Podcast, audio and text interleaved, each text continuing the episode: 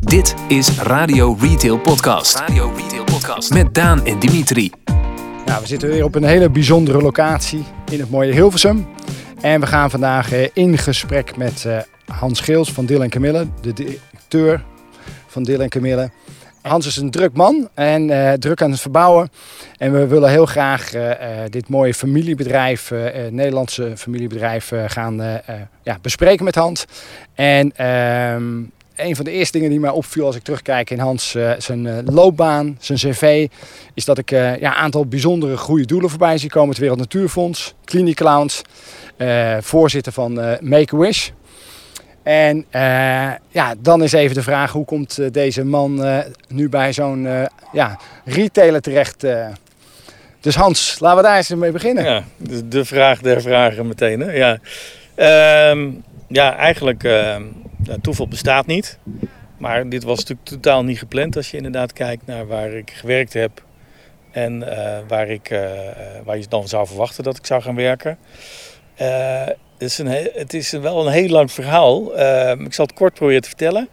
Uh, Clinic Clowns erfde in 2003 uh, eh, Jan Stam BV van de heer Jan Stam.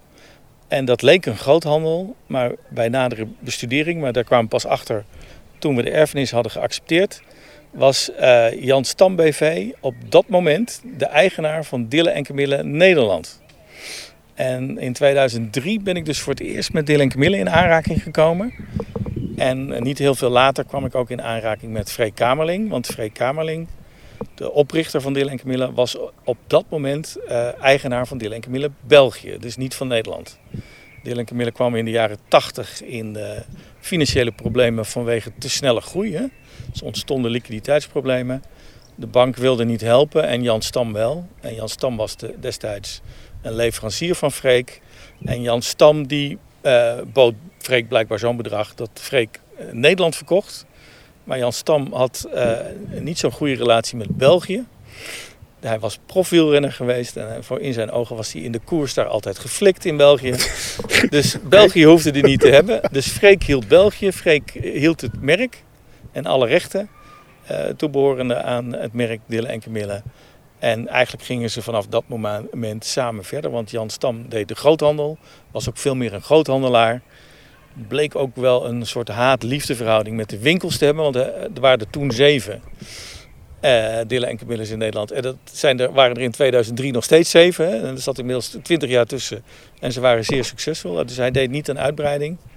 Uh, omdat hij ja, eigenlijk in hart en nieren een groothandelaar was. En hij leverde ook aan België, aan Freek. En... dus dat bedrijf was wel met elkaar vervlochten.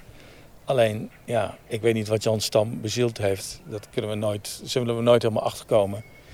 Maar uh, de erfenis ging uh, uh, naar Cliniclans omdat hij iets met kinderen had. En blijkbaar niet wilde dat zijn vrouw met alle zakelijke problemen werd opgezadeld. Dus Cliniclans kreeg in 2003 Dille en Camille. Zo ken ik het merk. Okay. En zo ken ik Freek. Nou, dat werd een hele juridisch getouwtrek, want het gaat dan op een gegeven moment over een overnameprijs. En de hoofdsponsor van Cliniclans, om het verhaal helemaal ingewikkeld te maken, was de heer Jaap Blokker.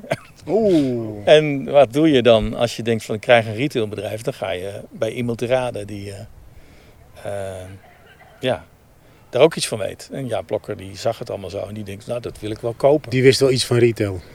Die wist wel iets van retail en die zag ook wel van dat het een interessant bedrijf was om te kopen. Maar ja, dat wilde Freek natuurlijk weer niet. En toen ontstond er uh, tussen Freek en mij eigenlijk best wel een uh, juridisch gevecht. Dus we kennen elkaar uh, ook van onze minder goede kanten. Maar als we het dan eenmaal over het merk hadden, ook al in die tijd, dan was het altijd meteen, ja, eigenlijk als we al jaren samenwerkten. Freek heeft uiteindelijk het bedrijf gekocht. Na heel veel geharwar en anderhalf jaar bijna gedoe. En toen heb ik uh, heel lang niks van Freek gehoord, totdat mijn voorzitter bij Clinicloud zei... Uh, joh, die erfenis, daar is nu... Uh, er zat ook nog een soort constructie op rondom de belastingen, dat je het zeven jaar voorbij moest gaan. die is nu helemaal vrij. Jij zal ook niet altijd bij, die had ook een vooruitziende blik, Joop Daalmeijer was dat. Jij zal ook niet altijd bij Clinicloud blijven werken.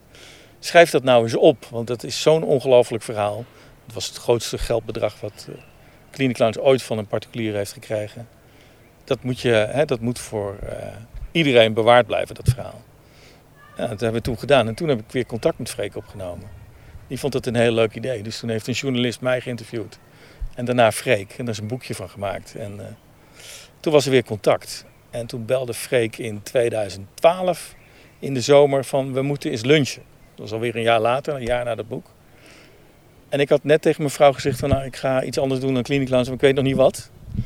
En tijdens die lunch... Uh, werd dat duidelijk wat het was? Toen werd duidelijk wat het, wat het zou worden. Ja. En uh, Freek bood mij dus een, uh, ter plekke eigenlijk bijna een baan aan. Uh, dat ging ik daarna thuis vertellen. En toen, mijn vrouw is nogal duidelijk en direct. Die zei, dat gaan we dus niet doen. Want die uh, herinnerde zich nog alle ellende uit 2003. en die denkt van, nou... Gaan ze weer de mannen. Dat uh, gaan we niet doen. En op vakantie in Italië, die, zomer, waren we aan het wandelen. En toen zei ik tegen Naima van, ja, maar ik ga het wel doen. Want dit is zo'n mooi merk. Er zit nog ja. zoveel meer in dan een... Hè, dan, er zit zo'n mooi idee achter en dat komt er eigenlijk als merk nog niet uit. Het is zo mooi dat je het over een merk hebt. En niet dan niet over een bedrijf of over... Nee, nee we zijn ook een merk. Ja. ja. En we zijn ook geen winkelbedrijf. Dat zijn we natuurlijk ook. Ja. Maar we zijn nog zoveel meer.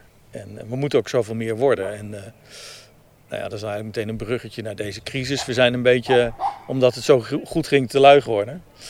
Uh, het winkelbedrijf groeide toch wel elk jaar uh, tussen de 15 en 20 procent. Uh, ja, dat is nu even niet zo. Als, maar dat merk kan op heel veel andere plekken verschijnen. Dat hoeft niet per se alleen in een winkel te zijn. Ja. Of in een winkel van ons, laat ik het zo zeggen. Het mooie is hoe jij net het merk Dylan Camille beschrijft. Eigenlijk uh, al losdenkt van een fysieke winkel of een winkelketen. ik denk dat in deze tijd met zeg maar de economische crisis... dat het nog veel belangrijker wordt om dat helder te hebben. Ja. Beschrijf, beschrijf het merk Dylan Camille voor ons, als je wil. Ja, uh, dat is meteen ook weer uh, best wel lastig. Uh, kijk, Dille en Camille is er ooit opgericht. Uh, dan moet ik toch even terug naar DNA. Hè. Waar komt het nou vandaan? Kijk, waarom het zo klikte met Freek is omdat Freek eigenlijk net zo'n ja, idea idealistische inborst heeft als ik. Ehm, Freek die wilde in 74 toen heeft hij het opgericht. Toen had hij al zo, zoiets van, ja, alles krijgt maar een stekker, alles wordt van plastic. Er worden bijna geen natuurlijke materialen meer gebruikt. Uh, eigenlijk worden dingen ontworpen om weg te gooien. Uh, wat is daar nou het nut van? Ik zie, ik zie het nut daar niet van in. We als, ik snap dat mensen spullen nodig hebben. En hij, was, hij werkte bij de macro en hij was retailer. Dus hij zag ook echt die schaalvergroting van dichtbij. Die macro's werden ook steeds... Alles wordt maar groter. Wat is groot nou een doel op zich? Menselijk contact werd anders. Hè. Overal werd ook van die muzak muziek gedraaid. Hè. Van ja, ik, ik voel me niet meer thuis. En, en, dat is het mooie van kantelaars. ik noem Freek echt een kantelaar. Die zien een business hè, een bepaalde richting op gaan. En ik denk, ja, ik moet eigenlijk de andere kant op. Ik moet het kantelen. En uh, in 1974 begon hij eigenlijk bewust onbekwaam. Hè, want hij wist ook niet precies waar hij naar op zoek was. In dat keldertje in Utrecht, aan de, aan, aan de Oude Gracht, in het werfkeldertje. Uh, en dan ging hij eigenlijk vanuit zijn intuïtie van hoe denk ik dan dat het moet. En het leuke is dat die intuïtie was blijkbaar heel goed. Want heel veel van die productgroepen die die toen verkochten, zoals emaille, als kruiden en thee, uh, hebben we allemaal nu nog. Ja. En, en, en, en, en die filosofie van, ja, hij noemde dat dan, is dat in de loop van de tijd natuurlijke eenvoud gaan noemen. Van hè, ik laat me inspireren door de natuur, ik gebruik zoveel mogelijk natuurlijke materialen. Uh, we moeten op de natuur passen, dus daar zit ook een stukje duurzaam denken in. Hè. Uh, en eenvoud ging voor hem, ja, je, als je dingen gebruikt, dan moeten ze kwalitatief goed zijn. Ze moeten, hè, want dat is eigenlijk de beste duurzaamheid. Maar het ja. gaat ook over de essentie van een product. Waarom heb je het nou echt nodig? Hè? Hoe moet het dan ontworpen zijn? Uh, die natuurlijke eenvoud, ja, die zit, die zit gewoon... Maar hij was zijn tijd al ver vooruit. Hij was zijn tijd ver vooruit. Ver ja, vooruit. Nou, alles wat, wat, wat nu zeg maar bonton ja, aan het raken is, dat probeerde die in 74 al. Dus in die zin hebben wij uh, een DNA wat 45 jaar terug, ruim 45 jaar terug gaat. En wat eigenlijk nooit veranderd is. Nee. En, en, ja, dat is, dat is eigenlijk het merk. Het is niet iets wat we bedacht hebben.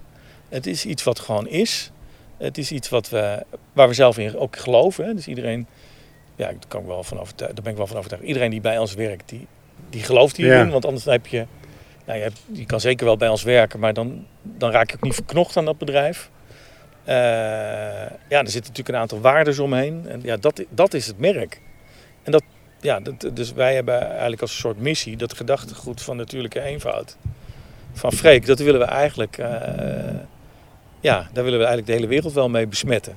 En dat, dat, is, dat zie je niet af van onze groeistrategie, maar dat is wel de ambitie die erachter zit. Van, als iedereen nou zo zou denken, en of zo zou handelen, Mhm.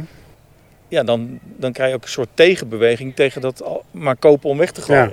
Maar is een groeistrategie, is dat altijd alleen maar meer filialen of meer verdienen? Groei kan natuurlijk ook in andere dingen zitten. Zeker, ja, ja, absoluut waar. Alleen als je de hele wereld iets te vertellen hebt en je blijft een beetje haken in Nederland en België, dan, Dat klopt, maar... Hè, dan moeten jullie we nog wel een stukje Dat verder. klopt, Ja, ja. maar daarom gaan jullie nu ook een stukje verder. Ja, ja zeker. Ja? Ja, ja, ja.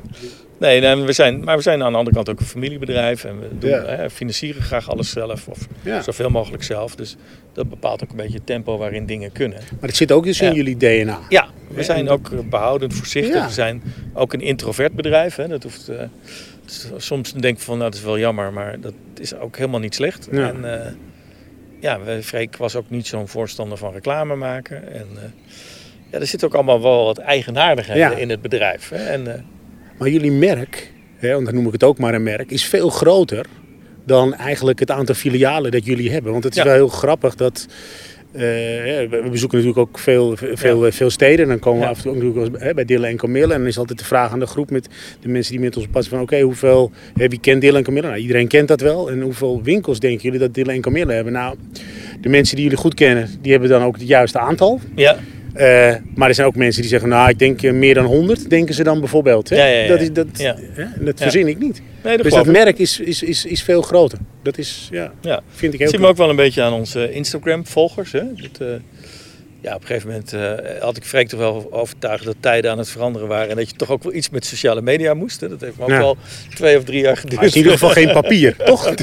En dat eh, heel veel mensen niet lezen. En eh, dat het ook een beetje visueel... nou, ik maak er nu een grapje over. Er waren Ja. zeer boeiende discussies. Ja, Waarin hij ook absoluut ook punten had hè, van waarom we het niet moesten doen. We zijn het wel gaan doen. En dat is dan ook echt Freek. hè, Die dan komt dan na een tijdje ook tegen je zeggen van... ja, we hebben er heel veel over gediscussieerd. Hè, en eh, ik ben heel eh, erg aan mijn standpunt vaak vastgehouden. Maar je had wel gelijk. En Mhm. dat kon hij dan ook toegeven. ja. En, eh, maar we zien het ook aan, aan het aantal volgers op Instagram. Is volgens mij Ja. een kwart miljoen. ja. En dat, ja, dat, dat groeit elke week. ja. En, en daar zie je ook dat die olievlek, die, die spreidt zich wel uit. En natuurlijk, wat betekent het nou echt? En het- het is natuurlijk ook een beetje eh, vluchtig, eh, dat al dat social media. ja. Maar die presence en die engagement, ja, die liegen niet. En die zijn heel hoog. En dat is wel mooi om te zien. Mensen zijn, als ze ons kennen, ook eh, echt fan. Ja. Vaak. Als we het over Freek hebben, helaas Freek overleden vorig jaar. Ja, Ehm, Bijna een jaar geleden al. bijna een jaar geleden alweer. Ja, ja. Maar je heeft, oké, we hebben, ik heb het gevoel als ik jou zo beluister dat jullie elkaar heel goed aanvulden. Ja, absoluut. Maar ehm, hoe doe je dat nu dan? Mi- Mis je die gesprekken of eh, ja, mis je absoluut. dat? eh, ja, dat mis je enorm. even- ja. ja. Ja, eh, dat mis ik. Ja. Dat gaat ook. ja, dit, zijn ook deze periode waar we nu in zitten. Dat, ik denk dat, dat hij dat niet zo heel goed getrokken zou hebben. Dat zou hij heel ingewikkeld hebben Ja. Maar dat zijn wel de momenten waar je elkaar dan opzoekt. Ja. En, eh, van, goh, hoe zullen we het doen? Hoe zullen we het aanpakken? Natuurlijk heb ik nu ook een groep mensen om me heen waar ik dat mee kan delen. Maar de, manier waarop dat met hem ging, dat... eh, Hoe zou hij gereageerd hebben, denk je, op, op, op deze crisis dan? Of hoe zou Ja, hij dat, eh, heb ik, die vraag me heel vaak al, al gesteld. En ik denk ook wel om een beetje te checken van, doe je dan de goede dingen? Maar als ik heel eerlijk ben, weet ik het antwoord niet. Nou, wat, hij, oké. wat hij hier nou, of hij hetzelfde gedaan zou Ja. hebben. Of dat hij juist open had willen blijven. We zijn drie weken dicht geweest. Ja, Of hij dat ook had gedaan. Of dat hij, eh, dat, ja, dat is best wel Hm. lastig om, eh, ik, ik, kan, Ja. ik ben er nog niet uit wat hij gedaan zou hebben. En zijn er nou mensen die eh, jou zeg maar, opzoeken die eerst Freek opzochten? Zijn er nieuwe relaties ontstaan binnen het bedrijf nu Freek er niet eh, meer onderdeel van uitmaakt? Ja, wat Freek heel goed deed, hè, wat bij opvolging altijd eh, misgaat, hè, in familiebedrijven vaak ook. Maar wat Freek echt, ja, de, echt uit de kunst. Hè. En natuurlijk hebben we ook wel een, een moment van de waarheid gehad. Hè, dat ik hem moest vertellen, van, ja, het moet ook echt zo, want anders gaat het niet werken. en dat heeft hij ook echt altijd gedaan. Hij heeft het bedrijf, toen hij een stap terug deed, aan Aniek, zijn dochter, en mij eigenlijk in handen gegeven. En nu doen jullie het. En hij had best wel vaak een mening, maar die bleef dan ook bij Aniek en mij. En, uh, en die ging niet verder het bedrijf in. Dus hij liet ook niet toe dat mensen uit het bedrijf hem dan gingen opzoeken. Want dan, want dan krijg je allemaal workarounds. En dan, dan gaat het operationeel gaat het mis. Want kijk, omdat hij de oprichter is, als hij zegt van ja, de gordijnen moeten rood zijn en ik heb net besloten dat ze groen worden. Ja. ja dan is mijn stem niks meer waard in het bedrijf. En uh, dat. Uh, ja, dit, dit, dit wist ik gelukkig, dat dit cruciaal was. En dat heb ik met hem kunnen afspreken. En dat heeft hij ook uh, ja, echt heel knap, want het is toch je kindje. Je, het is jouw bedrijf, jij hebt het met je bloothanden opgebouwd. Je bent failliet gegaan, je bent weer, hebt het weer opgebouwd, je hebt het teruggekocht. Het is groter gegroeid. En dan moet je jouw kind aan iemand anders geven en die gaat dan soms andere beslissingen nemen. En wat ik denk ik uh, onbewust, of misschien wel bewust goed heb gedaan, is dat ik me elke keer afvroeg als het weer spannend werd. Van ja, maar hoe zou jij reageren als het allemaal van jou was? En iemand anders kwam jou vertellen dat het anders moest. En zo wisten we elkaar elke keer te vinden. Want Freek uh, hield ook van discussiëren. En, en in die gesprekken kwamen er eigenlijk altijd weer uit. Van hoe gaan we nu verder? En daar stonden we dan ook allebei achter. Maar het knap is wel dat hij dus tijdens eigenlijk die periode dat jullie tegenover elkaar stonden. Ja los van de emotie en de strijd op dat moment, ja. wel heel goed heeft gekeken wie jij bent en hoe je in elkaar zat. En een aantal jaren later eigenlijk misschien eroverheen is gestapt en gedacht van, hé, hey, om het bedrijf verder te helpen. Ja, nou, het knappe van Freek is zeg maar, in die zin in de opvolging dat hij niet een retailer heeft gezocht. Nee. Maar iemand die zijn merk verder zou kunnen brengen. En of, los of, het, of ik dan de goede ben of, en daar moeten anderen maar over oordelen. Maar hij zocht iemand die zijn merk begreep. En hij zei, en dat viel wel een beetje tegen hoor, dat retailen, dat leer je wel. dat, uh, nou, dat heb ik geweten. dat, uh, daar was heel veel te leren. Dus ik, ja, voor mij was het natuurlijk ook een uitgelezen kans. Ik was 48 toen hij me vroeg. Om uh, ja, in, op je 48 totaal ander vak te gaan leren. Maar voel je je nu een retailer? Voel je of, of wat? Nee, denk het niet. Nee? Ik denk als je mij vraagt wat ben je, dan zou ik toch eerder zeggen, ik ben merkenbouwer dan een retailer. Oké. Ja. En heb je wel mensen om je heen verzameld ja. die eh, nou, misschien zichzelf meer retailer noemen dan jij? Ja, zeker. Ja. Ik heb uh, een van de eerste dingen die ik gedaan heb toen ik een beetje dacht te weten wat, hoe de organisatie in elkaar zat en waar de sterke en zwakke plekken zaten. En, en mijn eerste analyse, want er werkte heel, eigenlijk helemaal geen retailer bij de Dus ik voelde me opeens een stuk minder bijzonder. Uh, waar wij behoefte aan hebben is iemand met specifieke retailkennis. En die uh, toeval bestaat niet. Ik kreeg een brief, uh, echt toen ik twee of drie maanden in dienst was, van Ed Maassen. Die zich toch afvroeg hoe het kon dat het niet retailer directeur van een retailbedrijf werd. en, by the way, hij wilde heel graag voor delen wel Duitsland starten. En toen ben ik met Ed een kop koffie gaan drinken. En nou, een paar maanden later was hij dus onze retailman. En dat is ook maar goed ook, want Ed was gepokt en gemazeld eh, bij V&D, bij Mediamarkt. In hoe je zeg maar, de operationele tak van een retailbedrijf leidt. Ja. En uh, waar ik wat meer weet van merken, weet Ed uh, zeker tot op de dag van vandaag nog meer van, uh, van hoe je moet retailen. En inmiddels doet Jan Stander de Wie dat. Die ook een enorme track record heeft. En het leuke voor Ed is dat hij nu eindelijk Duitsland mag gaan openen. Ik wou net zeggen dat Heeft hij al zeven jaar moeten wachten, zo'n beetje. Een hele, jaar. hele lange proeftijd gehad. Ja. maar nu eindelijk gaat het zover. Gaat het gebeuren. ik heb goed nieuws. Ja. ja. Je bent door je proeftijd heen. Ja, je bent door je proeftijd heen en we gaan het doen. Ja. Wel jammer voor Ed dat corona ertussen kwam. Ja. Iets is uitgesteld, maar uh, ja, als het ja, zo blijft gaan als het nu gaat, dan verwachten we Want wanneer gaat Duitsland open? Nou, de bedoeling was uh, in oktober dit jaar, ja. uh, maar dat wordt hopelijk voorjaar of anders zomer 2021. Ja, je noemde net even al het coronavirus ja. en het feit dat jullie een aantal weken dicht zijn geweest. nu zijn de winkels open. Waar loop je nu tegenaan? Is dat, is dat de omzet in de winkels, traffic in de winkels? Is dat online? Waar, waar zitten de uitdagingen voor jullie nu als organisatie? Ja, we hebben best wel ehm, getwijfeld. Hè? Moeten we nou open blijven, moeten we nou dicht? Nou, uiteindelijk moesten we dicht omdat uh, ja, ook wij merkten bij het personeel wel heel veel angst. En we zijn een bedrijf wat over personen gaat en personen Ja. die verbonden zijn met het gedachtegoed. Ja, en als die personen zich eh, ja, niet meer veilig voelen in jouw winkel, ja, dan kan je wel doorduwen van je blijft lekker open en, eh, en zoek het maar uit. En zo'n bedrijf zijn we niet, dus we zijn dichtgegaan. We hebben nagedacht over hoe kunnen we in deze eh, opstelling door. Nou ja, Rutte ging toch duidelijk uitspreken, winkels mogen open blijven. Er kwam een protocol en het protocol hebben we strenger gemaakt om onze eigen medewerkers weer terug voor ons te winnen in de zin van, maar we gaan het echt heel veilig doen. En eh, nou, dat enthousiasme kwam terug. Mensen wilden na drie weken ook weer aan het werk. We zijn weer open gegaan. Nou, wat, wat, waar lopen we tegenaan? Twee dingen. Eh, even met het minder leuke beginnen. De capaciteit in onze winkels is afgenomen, want er is maar één kassa open. Er mogen eh, één klant op 25 vierkante meter, hè, wat strenger is dan het protocol. Dan de tien, hè? En dan de 10, dan Ja. 1 op 10.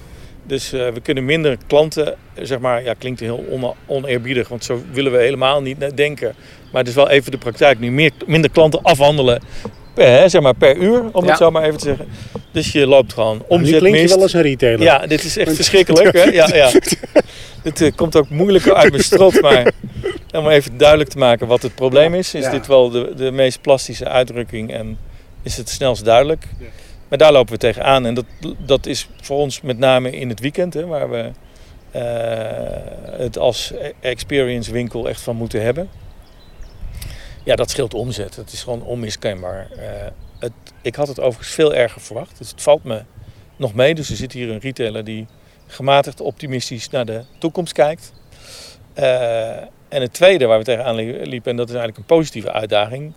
Van het, de dag dat het op slot, de winkels op slot gingen, ging de omzet in eh, op het web maal 4, maal 5 soms. Eh, en dat, is, dat betekent bij ons eh, continu kerst, hè, noemen we dat intern. Ja. Nou ja, dat, dat lukt je een paar dagen, maar op een gegeven moment, het was vlak voor Pasen dat het allemaal gebeurde, ging ook de hele paascollectie was natuurlijk in no time uitverkocht en we hadden geen idee hoe we dat moesten aanvullen. Terwijl het in de winkels nog gewoon lag, hè, die allemaal dicht waren.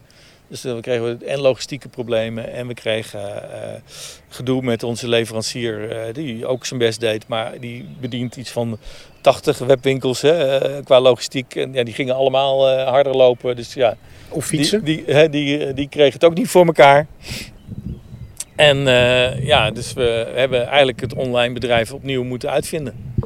In, eh, en dat dan binnen een paar weken. En nu, nu hebben we het weer redelijk onder controle. Je zag ook veel retailers die inderdaad de winkel ook deels als voorraad gebruikten voor de ja, dat, bestellingen. dat, zo snel Ja. konden wij dus niet schakelen. Niet? Oké. Wij hebben onze systemen nog niet zo op orde dat we dat zomaar kun, konden. Want wij zijn ook eh, ja, qua ICT nog niet zo heel goed eh geoutilleerd. Ja.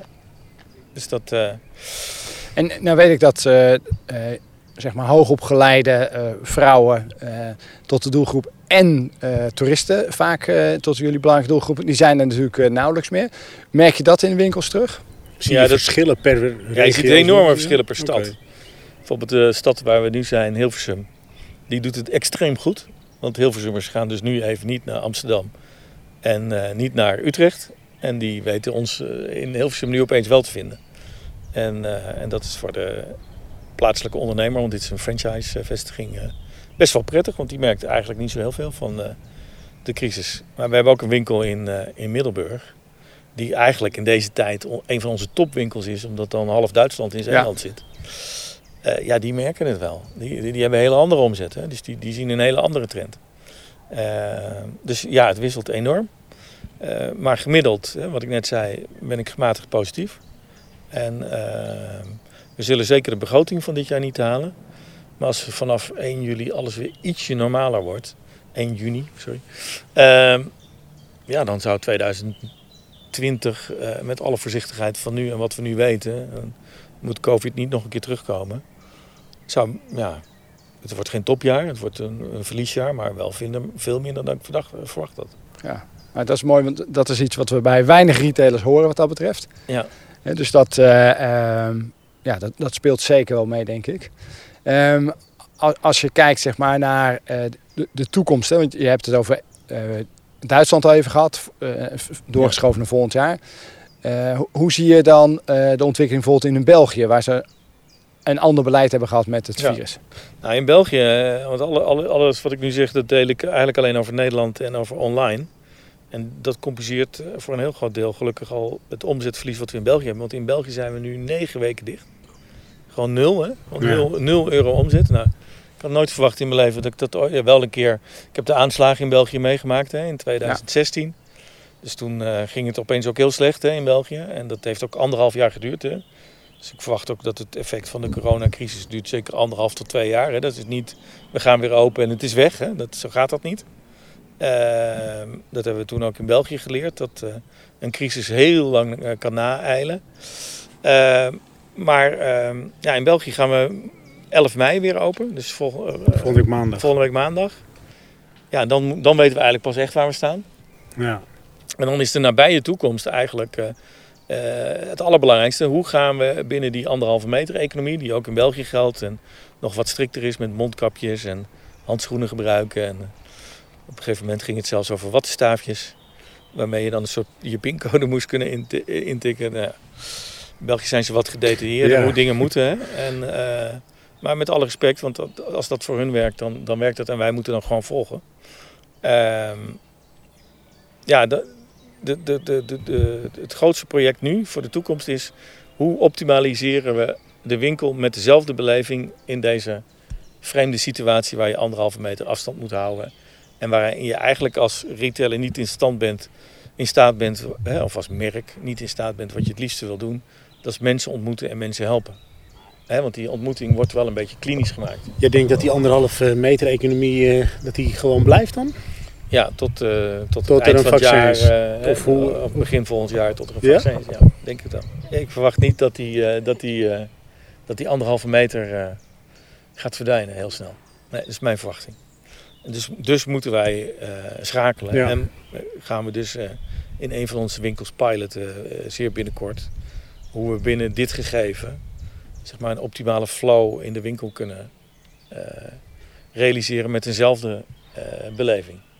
Wat mooi is, qua assortiment zitten jullie denk ik juist wel heel goed in hè, Ja. mensen behoefte aan hebben. Binnen, Ja. huiselijk, we zijn enorm aan de bakken op het ogenblik. Ja. Dus dus eh, een deel van de bevolking zal inderdaad bewuster zijn met duurzaamheid en de toekomst. Dus eigenlijk zitten jullie fantastisch in die scope. Het is Ja. denk ik meer, ja, hoe ga je zorgen dat die verbindingen blijft, zowel online als Ja. offline. eh. Ja, en, en ook gewoon heel simpel. En dan praat ik weer even als retailer. Hoe ga je met een beperktere capaciteit eh, in je winkel, hè, gewoon aan wat je aan kan eh, langs je kassa, ja, toch eenzelfde omzetniveau is toch niveau als ja. 2019 realiseren. Maar het is toch best lastig, want jullie hebben wel heel veel verschillende soorten winkels. Tenminste, ik bedoel Ja. qua loop, qua routing. Eh, eh. Sommigen hebben verschillende niveaus en de Ja. andere hè, Ja, één we hebben niveau. heel veel uitdagingen. Ja. Ja, nee, dat klopt. Maar goed, dat wil niet zeggen dat het onmogelijk is. Nee, Dus, dat eh, klopt. dus- maar dat is de nabije toekomst. Dus eh, die is eigenlijk even nu het allerbelangrijkste. Ehm, hè, want eh, ja, we, willen gewoon klanten optimaal bedienen. En de wachttijden toch proberen zo kort mogelijk te houden. En nu staan mensen echt, krijgen elk weekend de foto's weer door. Echt braaf in de rij buiten te wachten. Ja, dat had ik niet voor mogelijk gehouden Nee, dat nee. zou gebeuren. Als je kijkt En- naar aanbieders zoals Decathlon, die, die nu met proeven bezig zijn dat mensen met hun eigen telefoon artikelen scannen in de winkel en dus niet meer langs de kassa. Hoeveel zijn dat technische innovaties die kunnen helpen om ja, wij kunnen dat helemaal technisch niet aan. Dus dat, is dat zou ik ook wel willen dat dat had gekund. Hè, en dat we technisch wat verder waren. Maar ja, Decathlon is eh, veel verder uitontwikkeld in ICT dan, eh, dan wij zijn. En, en eigenlijk, ja, ICT is ook niet de weg waar we op termijn naartoe willen. Want wij, wij zijn wel fan van het echte contact. Ja, ik, ik vind Dylan Camille ook niet zeg maar iets waar Ja, wij zijn geen high-tech bedrijf. We zijn eigenlijk ook daarin weer een tegenbeweging. Maar ja, jongens, alles kan wel high-tech en online. En daarom is het voor ons ook lastig dat zo'n online winkel enorm groeit. Want ja, we zijn daar helemaal niet op ingericht. En ik vind het helemaal niet erg dat die heel hard groeit. Maar als ik nou zou moeten kiezen, dan is echt en elkaar zien en eh, de sfeer van Dylan en Camille proeven.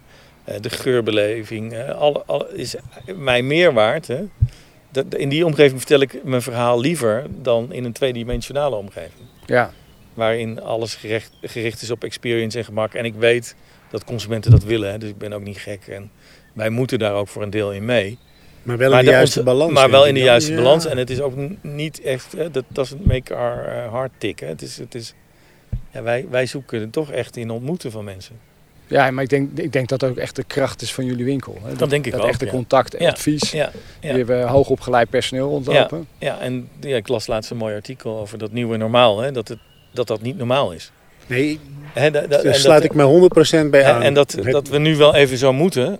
Maar ja, uit, als mens zijn we toch nog steeds, ondanks hè, de techniek daar steeds meer inbreuk op doet. We zijn sociale dieren. Ja. En, Ja. wij, en, en, en, en Dillen en Camille is een sociaal concept. Natuurlijk is heel veel meer, maar in de basis is dat een sociaal concept. En wij vinden het wel lastig dat we op deze manier moeten werken. Ja. Het kan even niet anders. Hè? En we passen ons aan en we, we zijn zeker niet rebels. Hè? Dus we gaan er niet tegen schoppen. Maar het is, we worden er niet heel blij van. En eh, we kunnen nu even niet eh, de, klant, de moeite nemen voor de klant om mee te lopen en uit te leggen. En, of mee te zoeken. Ja, mag allemaal even niet. Ja, daar worden we niet. eh, dat, dat, is, ja, dat, is, dat is pijnlijk eigenlijk.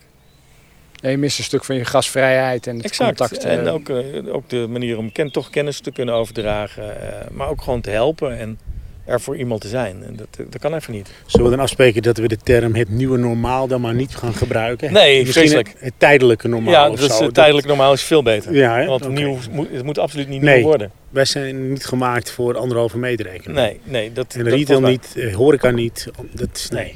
En je, je merkt nu, hè, nu met name ook de horeca in een stad ontbreekt. Dat, hè, want daarom heb ik echt ook te doen met horeca. Ik, ik snap ook niet dat er niet meer wordt gedaan om toch te proberen om die mensen meer te helpen. eh, om ook hun vak uit te oefenen. Hè, want ja, ik kan me niet voorstellen als het in een winkel kan, moet het in een horecabedrijf ook kunnen. Eh, waarom daar zo moeilijk over wordt gedaan. En het zou vreselijk zijn als er heel veel horeca failliet gaat. Want juist horeca eh, en musea en, en cultuur, die brengen ziel in een stad. Ja. En je Eh, ziet nu in die binnensteden, er mist een ziel. ja. Nou, mensen gaan heel gericht winkelen, omdat ze... Ja. En ja. wij zijn geen functionele Nee, wezens nee. in, in de kern. Nee, je ziet ook inderdaad de succesvolle retailsteden. zie je het percentage horeca alleen maar toenemen. Althans voor Ja. de crisis. En ik denk Ja. ook de vraag is inderdaad om waarom niet eerder gestart met terrassen weer, waar je die afstand ook kunt houden. Ja. Om te zorgen Ja. dat je in ieder geval gewoon eh, ook een stukje. We zijn eh, op weg om een soort eh, ja, zieloze samenleving te worden. En het, het moet nu even. Maar we waren er al een beetje naartoe op weg. Hè? En ja, het, moet wel weer terug naar een, wat ik zou willen dat het normaal is. Dat, het, dat we een sociale samenleving blijven. En wat, wat zou nou, los van dat er een vaccin moet komen, maar wat zou nou de grootste les zijn die we mee kunnen nemen inderdaad? Het, als we in een periode zitten waarin eh, nou, dat soort maatregelen niet meer nodig zijn. Wat kunnen we als mens nou hiervan leren, denk je? Nou, mijn grootste les is, en ik heb, maar dat komt omdat ik bij het Wereld Natuurfonds heb eh, gewerkt. En die hebben daar ook een aantal hele goede artikelen over geschreven. Het feit dat wij de natuur steeds meer geweld aan doen, is er mede van de oorzaak van. Hè, en dat we bushmeat eten en hè, dus, dus wilde dieren uit, eh, uit het bos. Ja, dat is gewoon de oorzaak van deze crisis. Als dat niet gebeurd was, tenminste de waarschijnlijke oorzaak, want wetenschappers weten het nog steeds niet helemaal zeker. En Trump al helemaal niet, hè, want die heeft nog wildere ideeën over hoe, waar het vandaan komt. Ja, Maar ja, zeer waarschijnlijk is dat het eh, van wilde dieren overgegaan is op mensen omdat die wilde dieren werden gegeten. Nou, het feit dat wij de natuur zoveel geweld blijven aandoen en de mens steeds dichter op die dieren komt te leven, eh, ja, eh, zorgt ook voor dit soort pandemieën. Er zijn eh, door het Wereld Natuurfonds wetenschappelijk overtuigende artikelen over gepubliceerd. eh, waarvan ik denk, ja, dat is voor mij de belangrijkste les van eh, deze crisis. En ja, of ja, Nederland het nou wel of niet verstandig heeft aangepakt, dat is niet aan mij. Want ja, ik zou niet graag in de schoenen van Mark Rutte staan. Het lijkt me verschrikkelijk moeilijk eh, met alle adviezen die je krijgt eh, om de juiste beslissingen te nemen. en ik kan me voorstellen dat hij het ook niet altijd weet. nee. Eh, en wij zijn met z'n eh, alle 17 miljoen mensen die het allemaal beter weten. Nou, ga er maar aan staan. Dat is bij de bondscoach. Ja, precies. Het is ja. net als bij de bondscoach. Hè. Achteraf is het allemaal makkelijker. En eh, ik denk, eh, ja, het is gegaan zoals het gegaan is. En het is fijn dat er iets meer aandacht voor de sociale kant. Hè. En dat vind ik eigenlijk nog belangrijker dan de economische kant eh, van, eh, van deze crisis komt. En dat eh, mensen meer, wat meer in verbinding met elkaar mogen. Want dat maakt de samenleving. En eh, ja, je zal maar een, eh, een grootvader of een grootmoeder eh, hebben waar je niet naartoe mag. En eh, die, eh, ja, dat lijkt me verschrikkelijk. Ja. één zinnetje blijft bij me hangen. En dat is wat je net vertelde over de expansie. Dat je zegt, de Dillenkamille is eigenlijk groter hè, dan de winkels. Is groter dan Nederland, België en Duitsland. Stel hè, dat, dat je los mag gaan. Waar, waar zou je naartoe kunnen gaan met het merk? Ja, wij zouden in principe onze, onze producten, en niet allemaal tegelijk, hè, want we hebben iets van 5000 artikelen, maar in bepaalde eh, modules eh, overal en wereldwijd kunnen aanbieden. Eh, we hebben een hele verzorg, natuurlijke verzorgingslijn, ja, die staat eigenlijk in principe klaar om de hele wereld over te gaan. En dan ga je En het net, verhaal te vertellen. net zoals de HEMA ga je dan op andere plekken verkocht worden met je producten. Ja, maar altijd wel in een, in een context die bij ons past. En wij worden geen mass market eh, product. En dat moet dan wel bij aanbieders die dezelfde filosofie hebben als wij. Maar die bestaan. En daar zou je de groei mee kunnen versnellen zonder dat het altijd in fysieke winkels zit. eh. Ja, en daar zou, je- nou, daar zou je partnerships mee kunnen sluiten. En, eh, ja, om samen aan het verhaal te werken. ja. Ja, dat, dat is denk ik wat er... De bekende master franchise. Ja, je kan master franchise, maar je kan ook eh, met je producten bij iemand anders gaan liggen. Hè, die ook eh, eh, om, de, om de aarde geeft. En, dus dat, er zijn denk ik heel veel mogelijkheden. En dat lijstje heb je al waarschijnlijk. En Tuurlijk, tuurlijk. ja, zeker. Zeker in Nederland en in België. Geef het eens het lijstje. En er zijn de eerste gesprekken zijn er ook al. Dus, eh, ja, dus Mooi. die, eh, dat gaat er allemaal gebeuren. Maar we moeten eerst eh, de crisis door en Ja. de organisatie dan ook wel weer eh, op bepaalde punten anders inrichten. Eh, en dan moeten we er ja, van de single focus, hè, alleen maar winkel, moeten we sowieso al nu een online volwassen winkel gaan bouwen. Hè. Dat is ons eigenlijk overkomen dat die opeens zo hard gaat. En ik denk ook dat die zo groot zal blijven. Of nou, zo groot misschien niet, maar groot zal blijven, laat ik het zo zeggen. Want er zit natuurlijk wel een deel COVID-effect in, eh, in, in deze versnelling. Die weer terug gaat naar de winkels. Maar een deel zal ook zo blijven. Dus dat moeten we eerst doen. En dan kunnen we gaan denken aan andere manieren van eh, contact met de klant creëren. Mooi. Ik vind Ja. het mooie woorden om Ja. mee af te sluiten. Ja, Ja, Hans. Mag ik onwijs bedankt voor je tijd, je graag openheid gedaan. en eh, het leuke gesprek. Dankjewel. Jullie bedankt. Radio Retail wordt mede mogelijk gemaakt door Q&A, Insight en Consultancy, Swiss Connection, Bureau van de Weert, Shell Station van de Knaap en kennispartner Platform Supermarkt en Ruimte.